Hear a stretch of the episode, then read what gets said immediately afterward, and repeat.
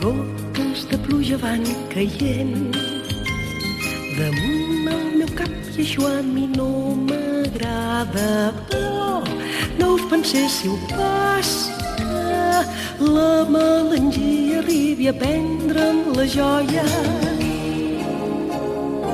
Gotes de pluja van caient el cel és tot gris, però la vida canta tot. És més dolç i verd i mai no podran desfer les ganes de viure i felicitat. La pluja pot mullar-me, però no ploro i espero que somrigui el sol darrere els núvols.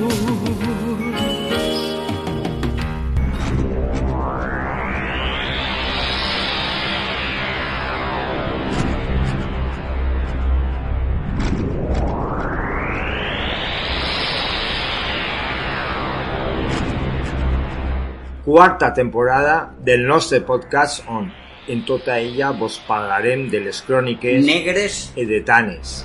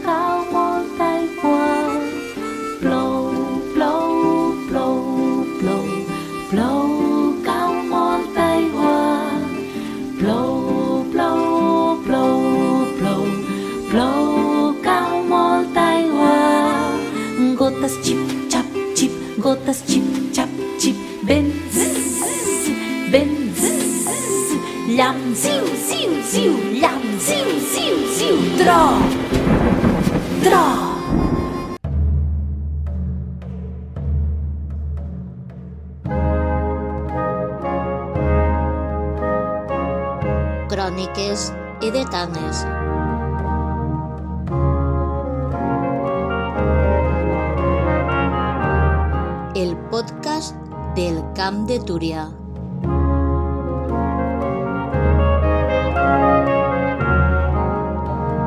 Històries, historietes, embolics i romansos dels nostres pobles.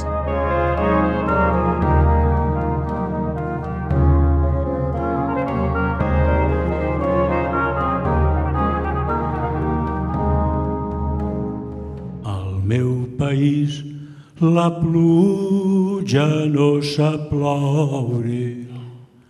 O plou poc o plou massa. Si plou poc és la sequera, si plou massa és un desastre. Qui portarà la pluja a escola? Qui li dirà com s'ha de ploure? Al meu país la pluja no sap ploure.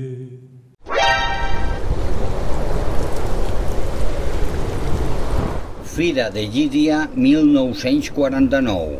El diluvi oblidat narrat pel cronista Duran.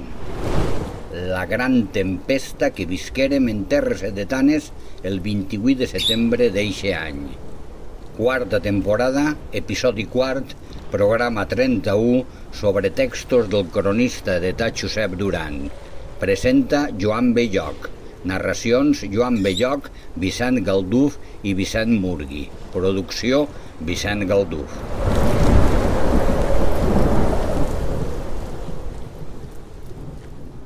Inundacions tardorals.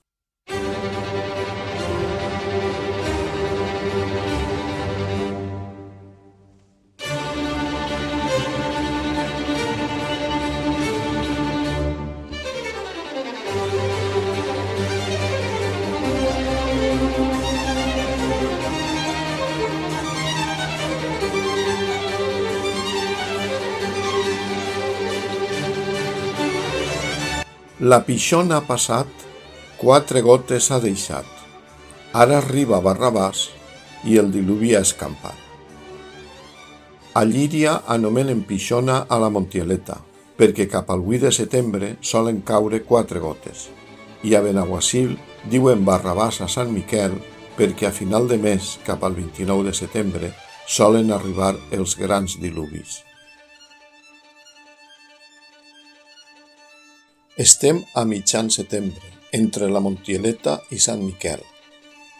Sembla que les portes del cel s'han obert de pinten ample, però no per deixar pas a uns alegres arcàngels i marededeus amb ganes de festa, no.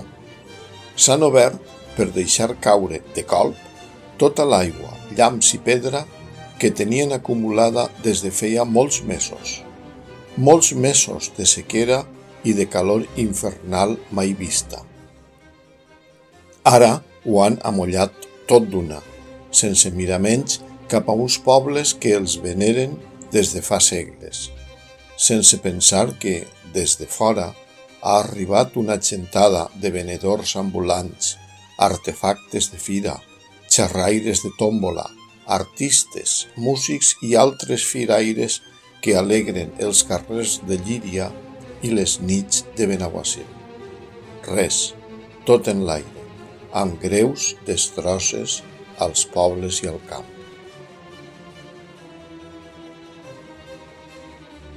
La gent dels nostres pobles heretans ja fa segles que s'ha fet a la idea i empoma com pot les malvestats i barrabassades que el cel o el centre meteorològic prediu per als nostres dies de festa. Davant la impossibilitat de canviar els designis divinals, mentre els benissants de la pedra miren cap a un altre costat, els llauradors de la Vallbona i del camp de Llíria han assimilat a poc a poc la porga que, en forma de riuada i pedra, els toca aquests dies tardorals. Per això, en venjança, han rebatejat els seus patrons com la Pixona i el Barrabàs.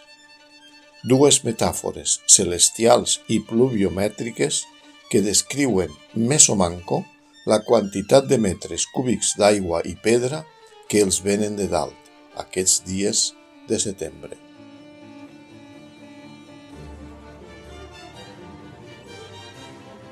Però la cosa ja ve de lluny i els periodistes i cronistes en donen fe abundantment.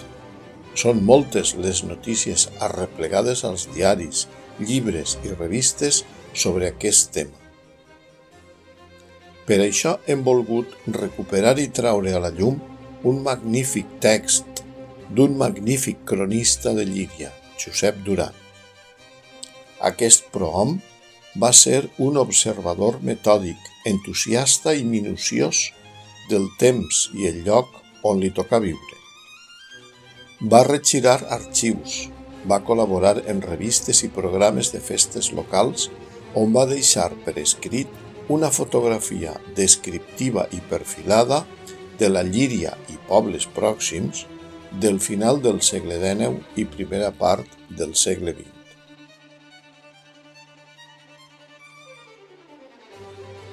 Sortosament, la seva filla, l'entranyable Marina Madre, tot superant els entrebancs de les noves tecnologies, va replegar en un fascinant volum el bo i millor de l'obra esparsa de son pare.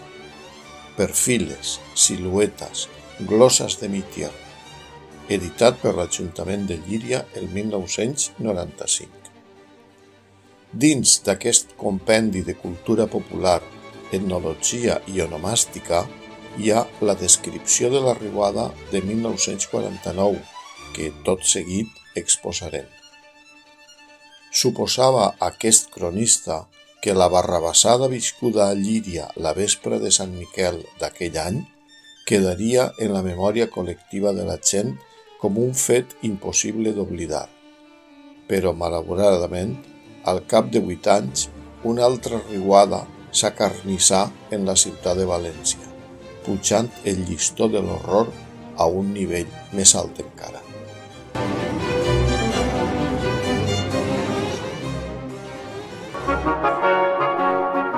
Esteu escoltant Cròniques Sedetanes, el podcast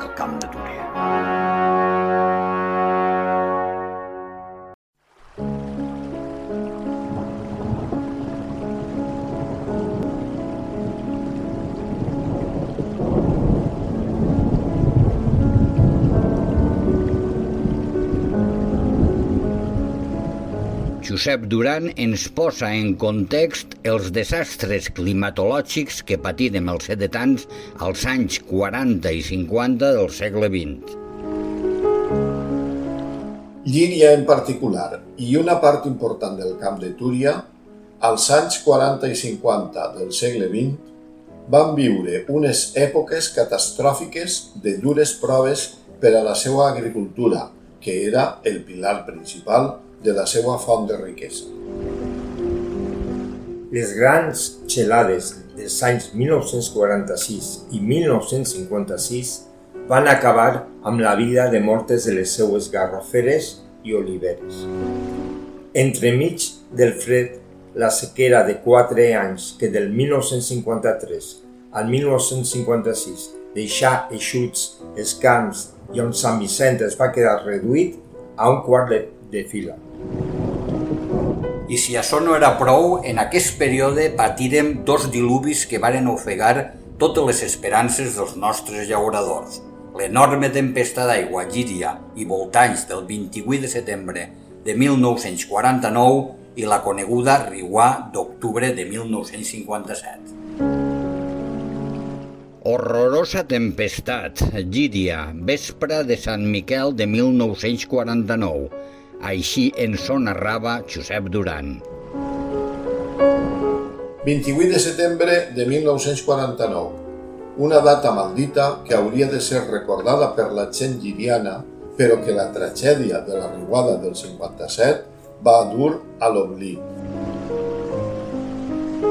Una desorbitada tronada d'àuia, granís i vent es va desencadenar i dia entre les 2 i les 4 de la vesprada i va convertir els carrers del poble en impetuosos torrents que arrossegaven pedres d'enorme grandària, causant danys descomunals en l'horta de Tana i la part baixa del secà. Només cal dir que aquestes dues hores de tempesta els núvols van precipitar sobre Llíria 165 litres d'aigua per metre quadrat, registrat en el pluviòmetre local, que són 165.000 metres cúbics o tones d'aigua per quilòmetre quadrat. Aquesta torrencial pluja va provocar que s'inundaren un gran nombre de cases del carrer Major, així com la quasi totalitat de les del carrer que va a Sant Francesc i les de la part d'avall, veient-se els veïns d'aquesta última obligats a pujar-se'n al pis alt de la casa. Així mateix es van inundar infinitat de soterranis i cellers.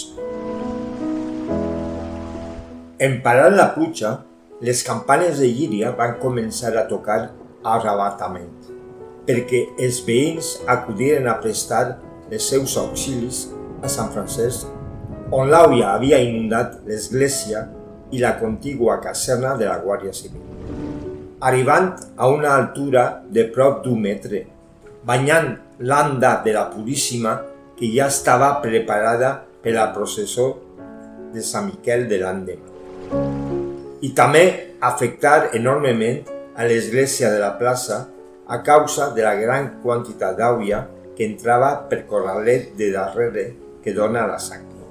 Així mateix, es va inundar l'estació del trenet, amb més d'un metre d'aigua. Els carrers de Major Pendent van quedar desfets i amb grans clots, i els carrers plans coberts de fang, arenes, grava i roques, 300 tones varen ser la quantitat de pedra acumulada al carrer de Sant Francesc per la part que dona la Puríssima. També en la part d'avall, per la cantonada al Pic, i baix de l'estació en la confluència que va cap a Benissanó. Van morir tres persones, un pastor en el camp i dos indigents que es varen refugiar en una cova per la rascanya.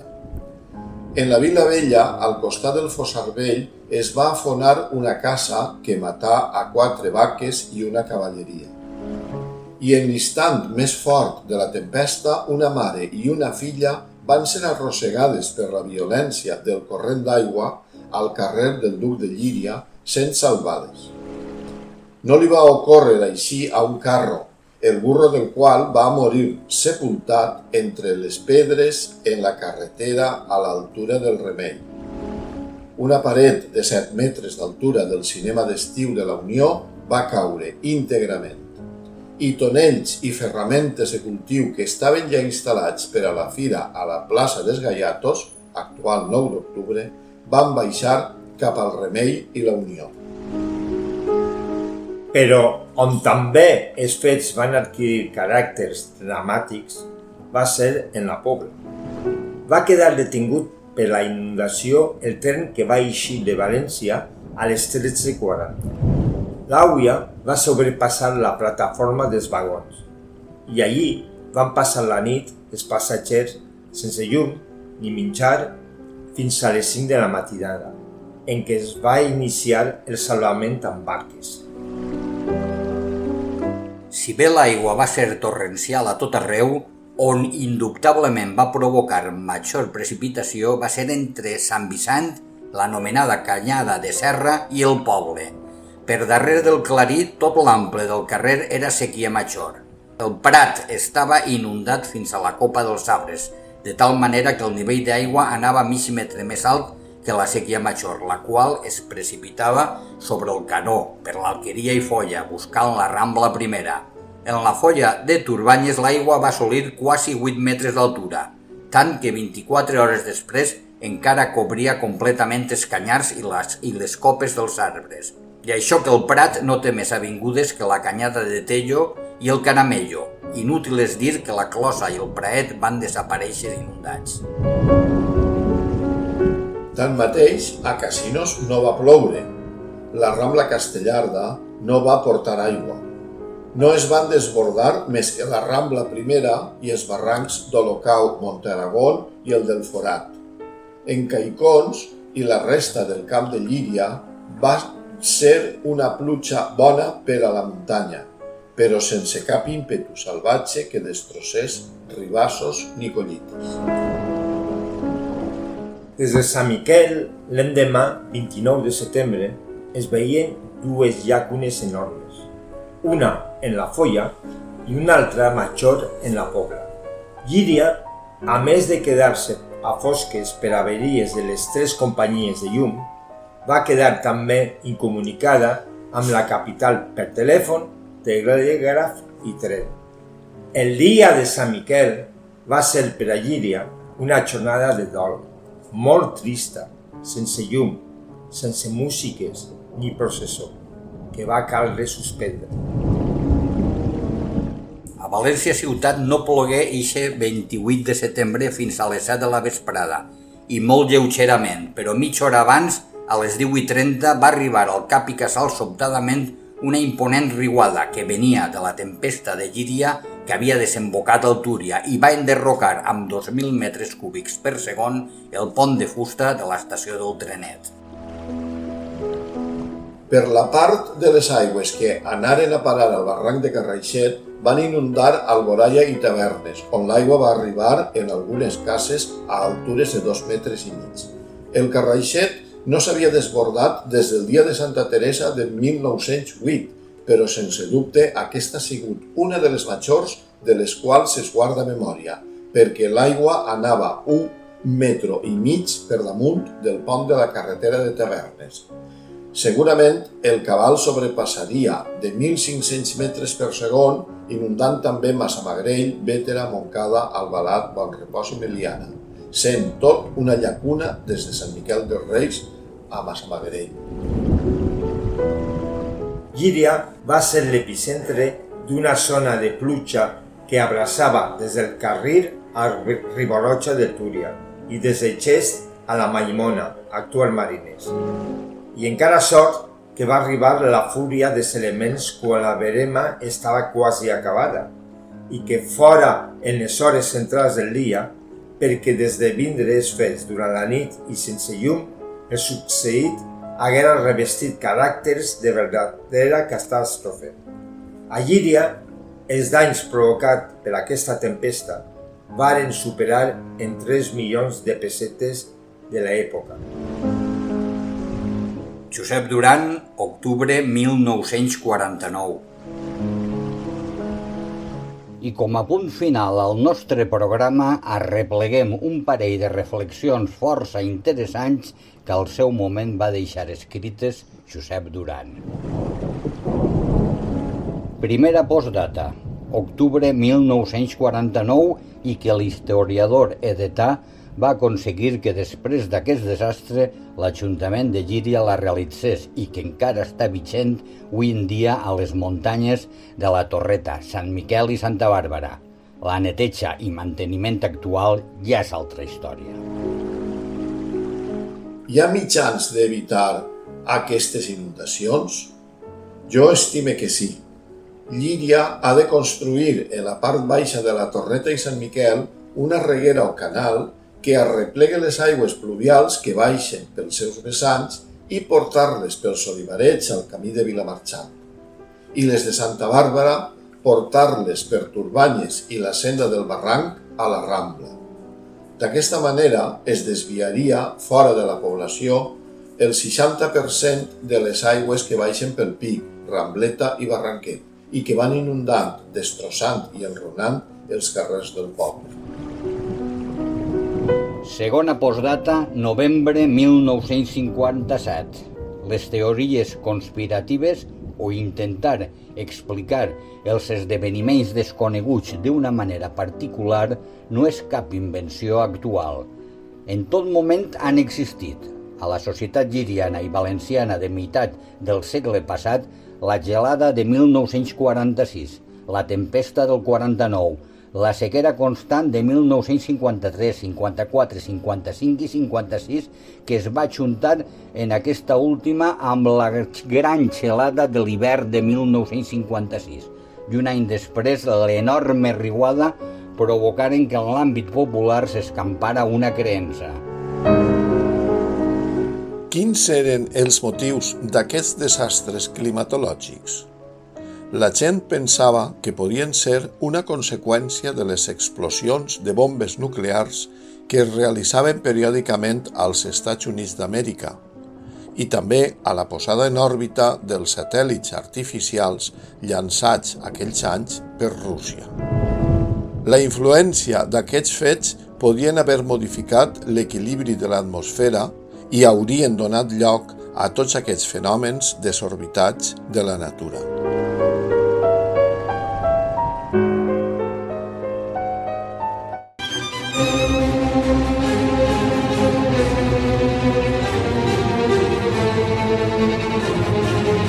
Aquest és el relat del cronista Duran, amb fets i dades objectives. Però també amb un desig de millora, va fer unes encertadíssimes propostes que resultaren ben efectives. Fins i tot intentar una explicació racional d'aquests fets irracionals, el desequilibri de l'atmosfera, un concepte que Duran esmenta ja a mitjan del segle XX i que, passat el temps, hem convertit en l'actual escalfament global i el canvi climàtic. Però no ens enganyem. Els llauradors sedetans ja ho havien definit molt bé feia molt de temps. El barrabàs i la pixó.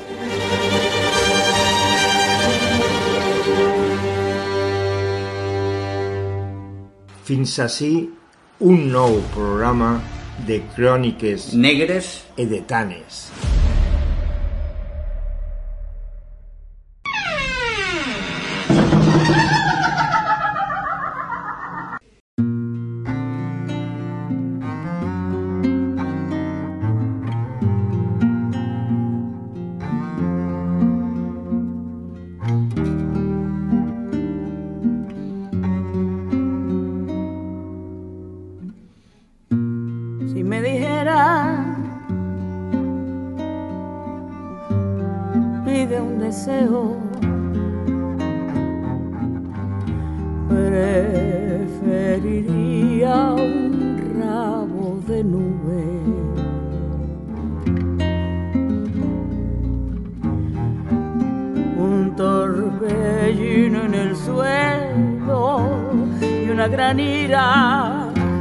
Que sube un barredor de tristezas, un aguacero en venganza, que cuando escampe parezca nuestra esperanza.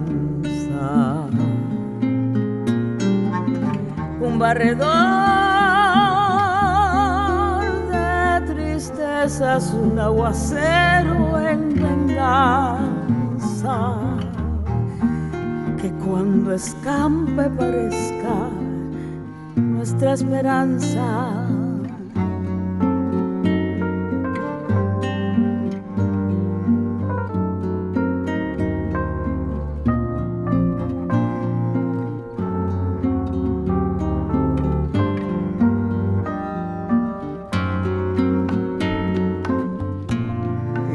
Si me dijeran, pide un deseo.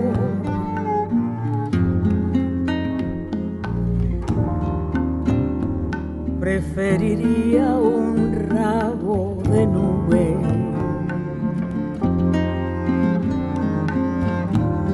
Que se llevara lo feo y nos dejara